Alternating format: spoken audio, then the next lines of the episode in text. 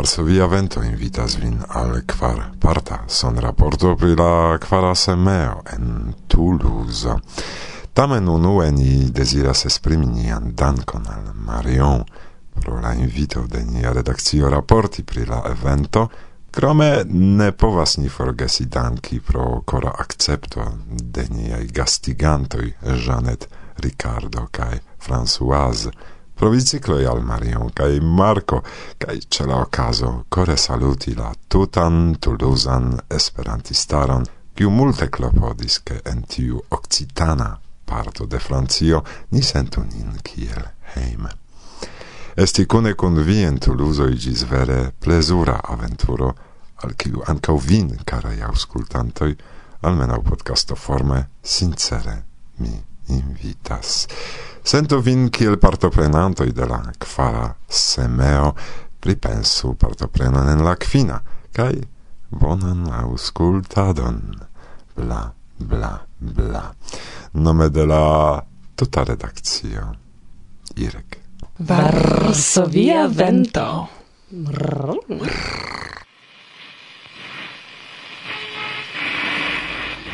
Rai Itala Radio Televido. Radio Vaticana en Esperanto.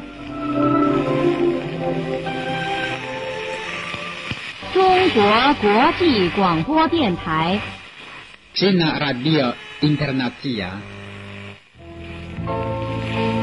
Piucci está Radio Havano Cubo. El sendante El Cubo. Libera territorio.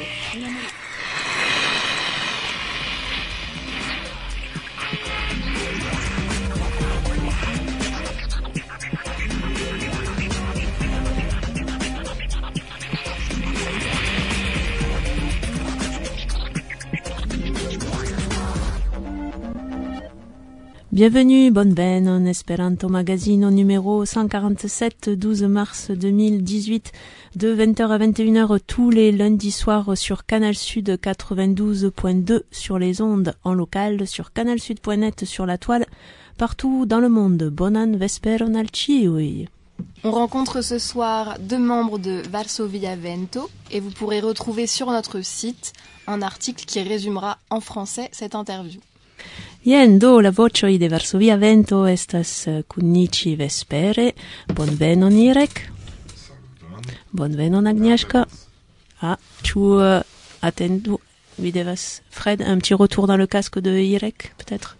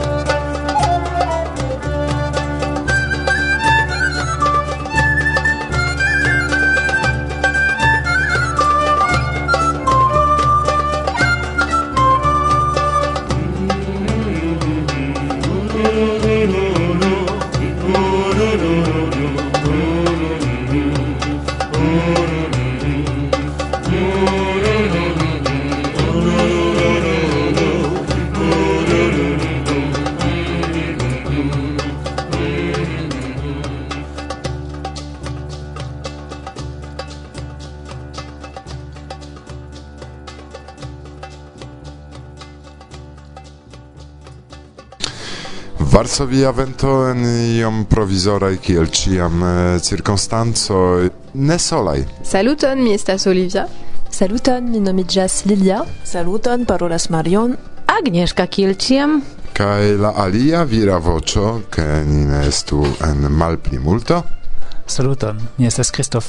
Do, ŝajne unue ni parolu pri la loko, kie ni estas, por ke vi ĉiuj karaj esperantistoj en la mondo sciu, kial provizora studio estas ĉi tie.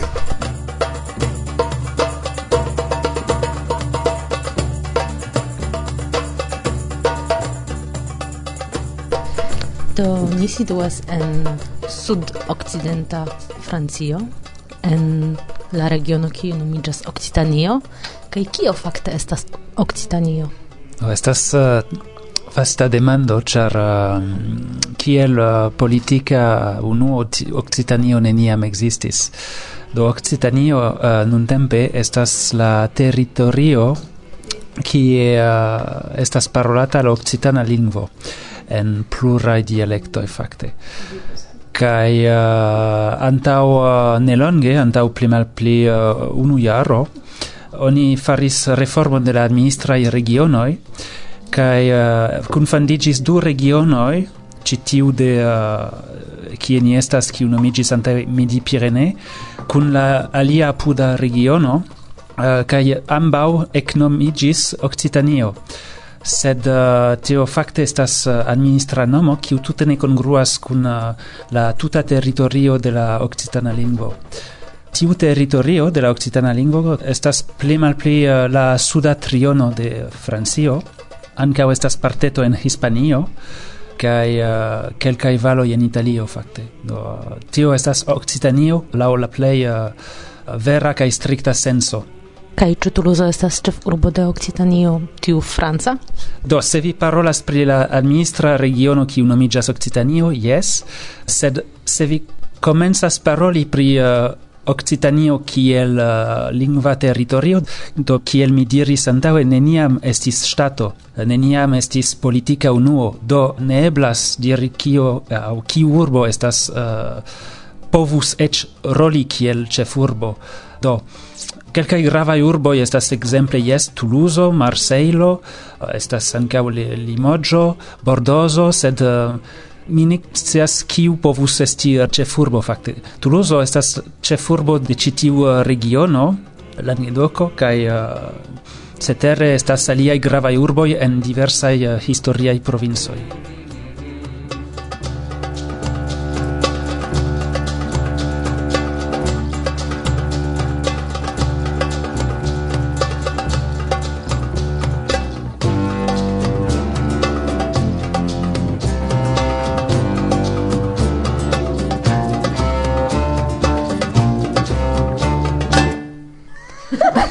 dechiaro. Certy, dechiaroi. Ci dauro.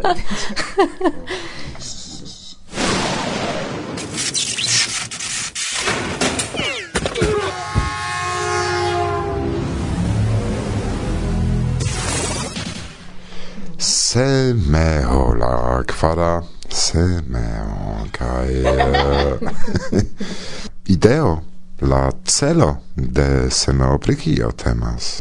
Ni trovis ideon fari Esperanto semajnon. Do tio signifas semajno kiam ni videbligus Esperanton, oni parolos pri Esperanto, oni organizos aferojn pri Esperanto en la sama semajno. Temas do pri extera publico, ne ena publico, ĉu? Exacte, exacte la celo estis ne organizi ion por esperantistoj, sed por ke aliaj homoj vidu ke Esperanto vivas kaj ke esperantistoj uzas ĝin por multe da aferoj kaj mm, ni provas tion fari de kvar jaroj kaj mi ne scias ĉu ni sukcesas, sed uh, Ni almeno um contentas kaj amuziĝas organizante tion. Eh, al kiu capo venis la ideo pri la unua semeo? Mi ne memoras. Certe. Eble vi estas tro modesta. Ne, eble mi estis en la ĉambro kiam venis la ideo, sed eble venis el discuto, venis el eh, kiel ofte el eh, kiam plurai homoi, inteligentaj estas en unu ĉambro kai... uh, eh, babilas, discutas kiel ni povus fari uh, venontiare en la socio por pli bone videbligi Esperanton, iu pensas pri io, alia aldonas afereton, la tria eh, denove alian afereton, kai fine venas ideo kiu placas al ciu en la chambro kai jen de ideo al projekto. Do ne pensante pri Cristoforo mi estas eh, citi en la paradizo de Belulino fakte. La unua tago de semeo kiam okazis kio okazis? Ni komencis per ekspozicio, kiu estis la deka de marto kaj uh, ĝi daŭris dek tagoj. Nekredeble. Kaj kaj eh, pri tio temis la ekspozicio. Pri Esperanto kaj lingva diverseco. Tio gravas. Ĉu multaj homoj venis al la ekspozicio?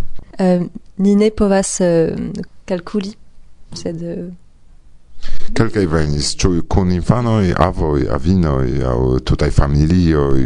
Ne estas ekspozicio kun vera dato pri uh, iri. Estas konstanta ekspozicio, ĉar um, multaj uh, homojn de malsamaj asocioj, de lernejo, de multaj malsamaj publikoj, fakte venis kai uh, eh, eble legis eh. uh...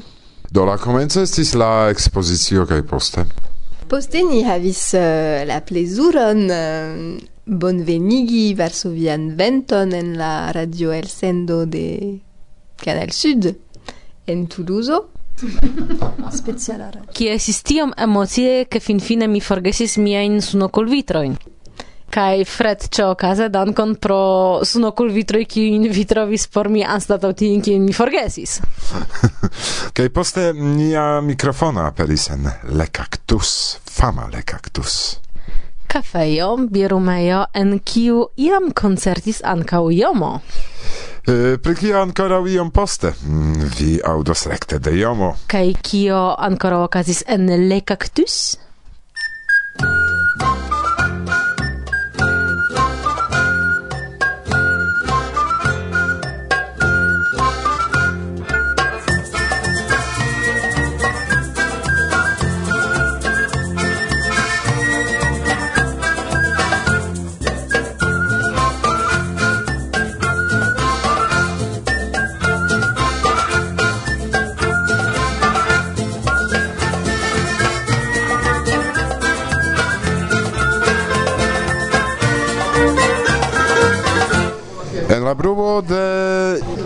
retejo en eh, Toulouse. Eh, mi vidas ĉi tie estas esperantistoj kelkaj.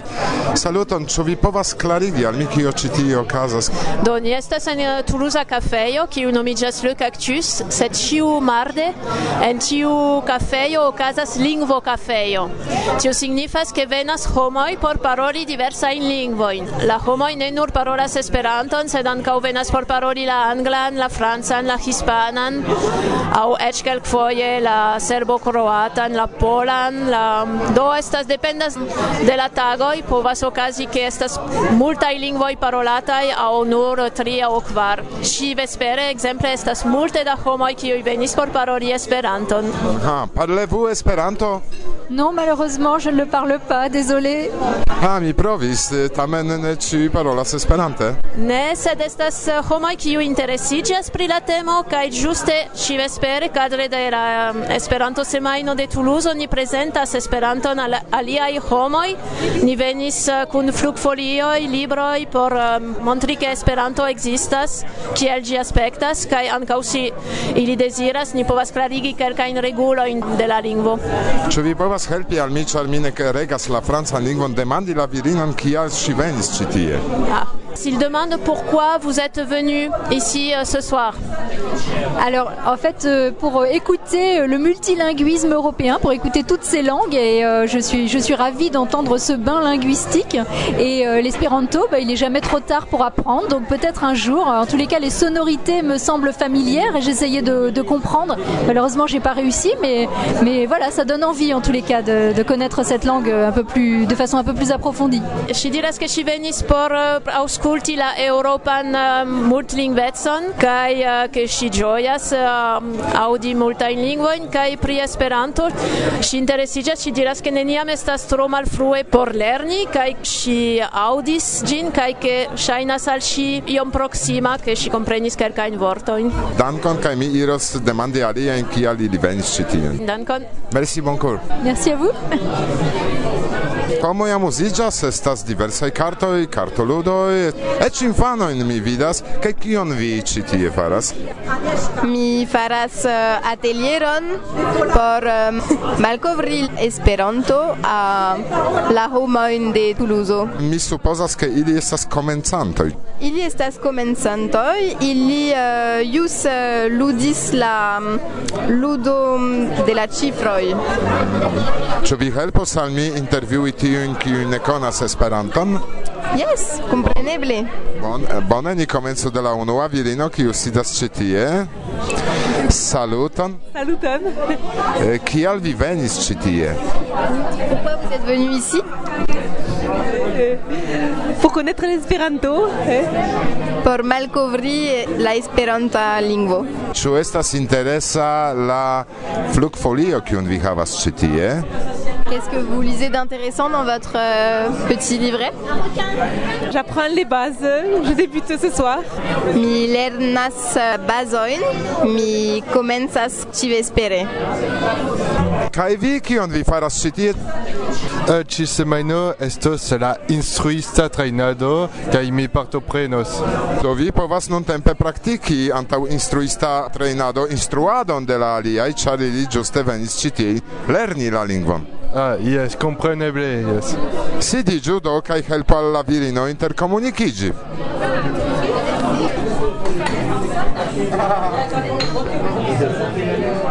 Tu veux essayer de euh, trouver les chiffres en espéranto? Ah, euh, non. Je sais, je crois que je sais les mettre dans l'ordre, mais je sais pas trop les les mettre, les, les dire Essaye. Shinomijas Anaïs.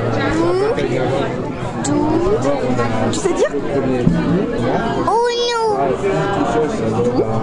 Tout. Do, se vi audas estas infanoj ĉi tie kiuj eĉ komencas paroli kaj kalkuli Esperante, Sisono do, kaj mi vidas alian belulinon, kion vi faras ĉi tie. Saluton Irek. mi estas en la Ligvo Cafejo en Toulouse kun eh, mia amikino Olivia. kaj ni parolas Esperanto kaj ni ridos. Saluton, ĉu vi rekonas min, mi akcenton? Mi estas la nura kiu kriis dialekton en Esperanto. Yes, do du minutoj devinu, devinu. Yes, Silvi, vi pravas. Saluton al ĉiuj. Do vi gajnis preskaŭ tutjaran abonon de Vinil Kosmo eldonaĵoj.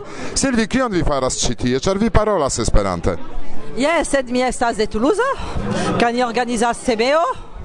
Do mi pensas ke mi estas iomete deviga revidi vin ĉi tie fakte. Mi estas por revidi esperantisto kiel vi, amikoj, geamikoj, kaj paroli, babili, drinki kaj festumi. Saluton. Do babilu mi eh, deziras ke aŭskultantoj aŭdu veran konversacion kiu ne koncernas intervjuojn, ĉu ne? Do hodiaŭ mi uh, trovis iun rapidmanĝejon, kie ĉio estas faritaj de anasoj. Ĉe la ĉe la kapitalo. Kaj plej amuza estas ke faras kun fritoj, fritaj sur la ansera graso. Do kiam venos Veronika, mi volas porti ŝin tien. Yes, la plej bona graso estas anasa graso, yes. yes. Por ĉio. Saluton, mi diras al kamerao, ĉar venis televido de Varsovia vento do mi. Nepre devas saluti. Kaj kion vi faras ĉi tie, belulino? mi kameromas kaj mi venis fari etan raporteton pri Semeo, fari filmon pri la Tuluzo kaj subteni Varsovian venton per mia belega voĉo kaj ankaŭ iomete ripozi, ĉar ĉi tie estas pli bela vetero ol kiam ni forlasis Pollandon kaj Varsovion. Do necesas aldoni nur bla bla bla.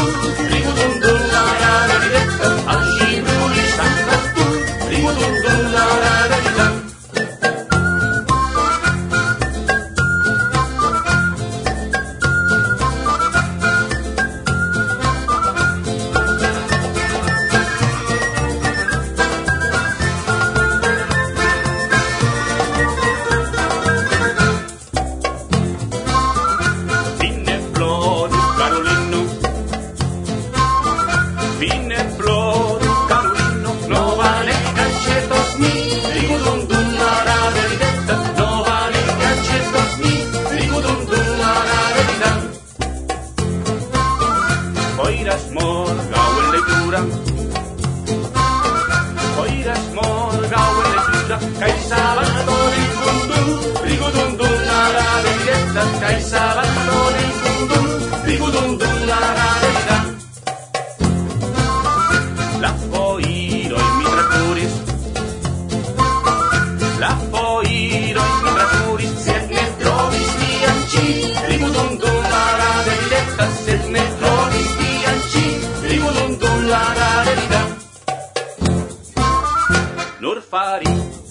cotonno Nur farita nel cotonno Chi Chiunetta usia sporti Dico dun dum la ra la diretta Chiunetta usia sporti Dico dun dum la ra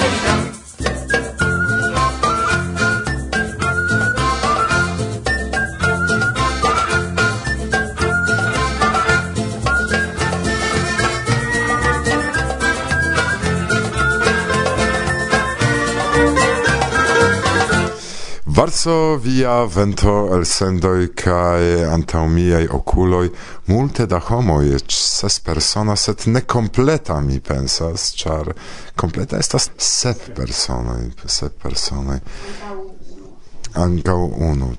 Do mi havas grandan privilegion sidi ĉi tie unu el la plei shatatai de mi musicistoi kiu cantas Esperante kai la teamo nomigas Kai tiel plu. Saluton, mi estas Alena. Saluton, mi estas Fosi. Saluton, mi estas Iomo, la alia Iomo. La alia Iomo. Saluton, mi estas Chevi. Saluton, mi estas Carlas. Saluton, mi estas Farri. Kai vi, kiu vi estas? Macarena. Macarena. La Macarena estas hundo kiu kompanas al la Te amo, ankaŭ ĉi tie kompanas min tre alia eh, partnerino de Radio Toulouse. Saluton. Saluton, mi estas Olivia. Do bone, eh, eble iomete pri historio de kaj tiel plu, ĉar ne eble en la mondo konas vin. A venis ankaŭ Agnieszka, Agnieszka bonvolu prezentiĝi antaŭ mikrofono. Saluton. Saluton. Oh, kun hundo, saluton. Ah, do venas momento de kisoj pardono, karaj aŭskultantoj mi. mi tion ne fortranĉos, sole estas kisoj. Jes, ĉu ne? Oh, Bone, ne vidis. Non, mi estas kontenta. Do eble iomete pri la historio de kaj tiel plu. Iomete mi konas, ĉar Fari jam rakontis pri tio, sed tamen eh, ni ne intervjuis tiam, do... Do se mi... Uh ne malbone memoras eh, ni naskigis eh, okaze de iu itala festivalo junulara festivalo kiam oni petis al du esperantisto el catalonio ke ili preparu kantoj por iu cataluna nocto. Do estis uh, Pep Tordera kiu estis uno la fondintoj de la grupo kaj mi mem kiuj presentis kvar kvin kantojn eh, Esperante de katalunaj eh, kantverkistoj aŭ tradiciaj kantoj. Tio estas la eko de, de, de la grupo, se mi bone memoras. Do, eh, mi povas diri ke de tiu duopo oni pasis al uh, kvaropo, mm -hmm. estis Carlas kaj poste Jomo, mm -hmm kai fin finis se mi sintesas tres sintesas oni povas diri ke la alia salto uh, farigis okaze de la la Universala Kongreso Montpellier kiam Flo petis al ni fari uh, concerton con multe da homoi, che oni preparu bonan catalunan concerton kaj do eh, aliĝis al tiu grupo homoi, kiuj uh, eh, nun jam ne estas citi in en la grupo sed venis Ferriol kaj poste aliai homoi, kiuj nun ne ludas uh, kun ni set okaze jes mm. ĉu ne? Mm. Ni comencis uh, conveni ĉe Pep Tordera, en la hejmo de Pep Tordera, kaj pretigi Cataluna Encantojn, Kai ec ni eldonis etan cantaron, catalunai cantoi traducitai al Esperanto, kiuj nomigis Faireroi, en se mi ne memoras. Kai de tiam ni komencis ankaŭ fari concerteto en ene de la Esperanto grupo en, en Catalunio, kai venis pli da homoi, venis Carlas, kai ludis flutojn, kai ni esis kvar, gvin homoi. Estis stranĉa, cha Pep Tordera et sigis, kai foriris logi en Usono kai in tiu tempo estis iom da pauso en la grupo kai post venis la la Esperanto Kongreso en Montpellier kiam Flo diris al ni ah, reveligu la grupon, venu ci tie, faru concerton, kaj do ni komencis homo homojn kaj venis Ferriol, kiu ludas la violonon, venis basiston, se mi memores la nomon aperis alia basisto aperis anca o girafo kiel percutisto mm. venis pau violoncelisto pli i pli poste eh, pro la eh, exigio de, de girafo venis Elena kaj eh, poste venis Ana kiu hodia ne povis veni char post kelkaj i si estos patrino. Kaj tial hodia tial ni estas unu muzikisto malpli hodiaŭ sed plica y plica y nun la la nuna grupo estas tiu ni estas epopo ĉu ne mm -hmm. yes. vi elektis eh, kanti en Esperanto tio estas interesa estas kion Xavier klarigis ar oni petis de ili traduki Cataluna in canton por presenti en, en internacia arancio. Ciu traducis, char estis perfecte traducitai, flue interpretitai no mi. Traducajo ni mem faris. La unua estis eh, farita unuope de mi de Ferriol, sed per la lasta i disco jam ni uh, laboris iom play collective, kai ni uh, iam uh, arrangis la texto in comune ĉu ne? Estis uh, pliam opa tradukado ĉu ne? Por mi traduki esperantigi la canto kanto estas eĉ pli malfacile ol muzikigi ilin kaj treni la muzikon. Sed la celo laŭ mi estas ĉar ni ankaŭ kantas katalun bueno ni kantas katalune okcitane aŭ en kelkaj originalaj lingvoj ankaŭ en la en la jutsefarda kaj kelkaj lingvoj tiaj. Kaj nia celo estis eh, pere de Esperanto disvastigi nian kulturon kaj do unu flanke ni disvastigas Esperanton en Catalunio kaj ali flanke ni disvastigas catalunan kaj okcitanan kulturon en la mondo per Esperanto. Do se ni esperantigas tiujn kantojn, homoj mm, ne nur aŭdas belan kanton, sed ankaŭ komprenas la vortojn kaj tial ni povas disvastigi ian kulturon. Kiam ni koncertas en Esperantaj festivaloj aŭ, aŭ aranĝoj, ni ankaŭ kantas kelkajn kanton en la originala lingvo, precipe en la cataluna kaj la Occitana. kaj ni profitas por disvastigi la Catalunya que jo occitanan kulturon. Que aquí ni concertas en Catalunya etoson, ni profitas por canti unu au du canto en esperanto kai klarigi ke ni estas esperantista grupo kai tiel Ĉu iu el inter estas profesia muzikista aŭ tio estas via ŝatokupo simple? profesie bone mi estas eh, uh, muzika instruisto sed mi laboras kiel instruisto pri muziko uh, eh, mi studis eh, uh, en carriero ja sed uh, profesie mi ne kiel uh, muzikludanto sed kiel muzikinstruanto la liai ankaŭ yes. mi ankaŭ mi ankaŭ studis muzikon, sed mi ne estas profesio. Sed profesiajn voĉojn vi havas fakte. Ankaŭ li, ankaŭ li, ĉar li ne nur violonnumas, ankaŭ belege kantas. No, fakte mi studis malmulte da muziko, sed mi multe rilatis kun muzikoj kaj fakte mi sekvis kelkajn violonajn atelierojn kun tiuj violonistoj tradiciaj de la mondo kiuj ne, ne kapablas legi partituron sed kiuj instruis de patroj al gefiloj laŭ tradiciaj aferoj kaj por mi tia muziko estas pasio, ĉu ne? Kai krome yes uh, duan profesie mi improvisas canto in la Cataluna pri tiu flanco mi moviĝas ene de la flanco de tradicia musico Li ne diris, sed li du foie gainis la nazian concurson pri improvisa canto. Necredeble, du foie ec? Ec mi pensas che pli.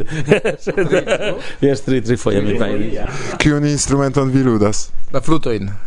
La flutoin. Ĉu vi lernis eh, en muzika lernejo aŭ mem lernis? Ja, per mi mem. Eh, mi mi lernis per mi mem. Yes. Ĉu estas eh, en via sango kataluna, ke vi kapablas kanti tiel akordiĝintaj? Korusoj ofte ekzercas tion dum jaroj. Bueno, fakte Xavier estas um, corus reganto.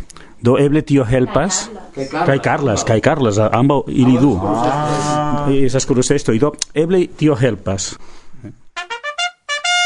Reclamo.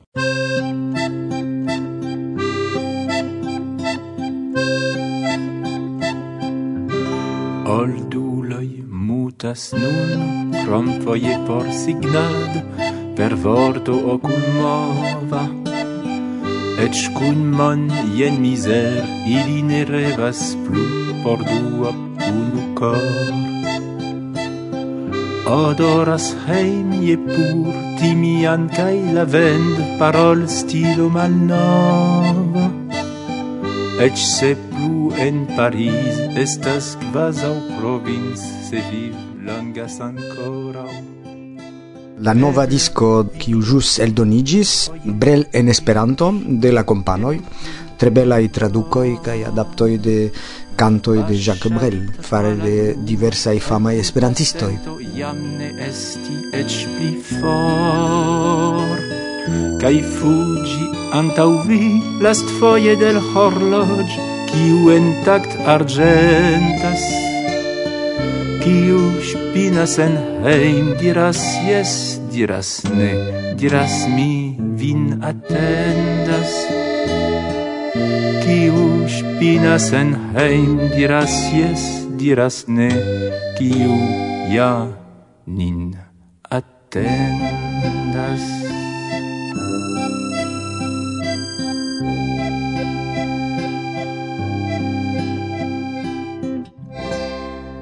klaku al uh, ligilo kai vi malkovros uh, pri kio temas. Yes, valsa via vento. Ble, ble, ble.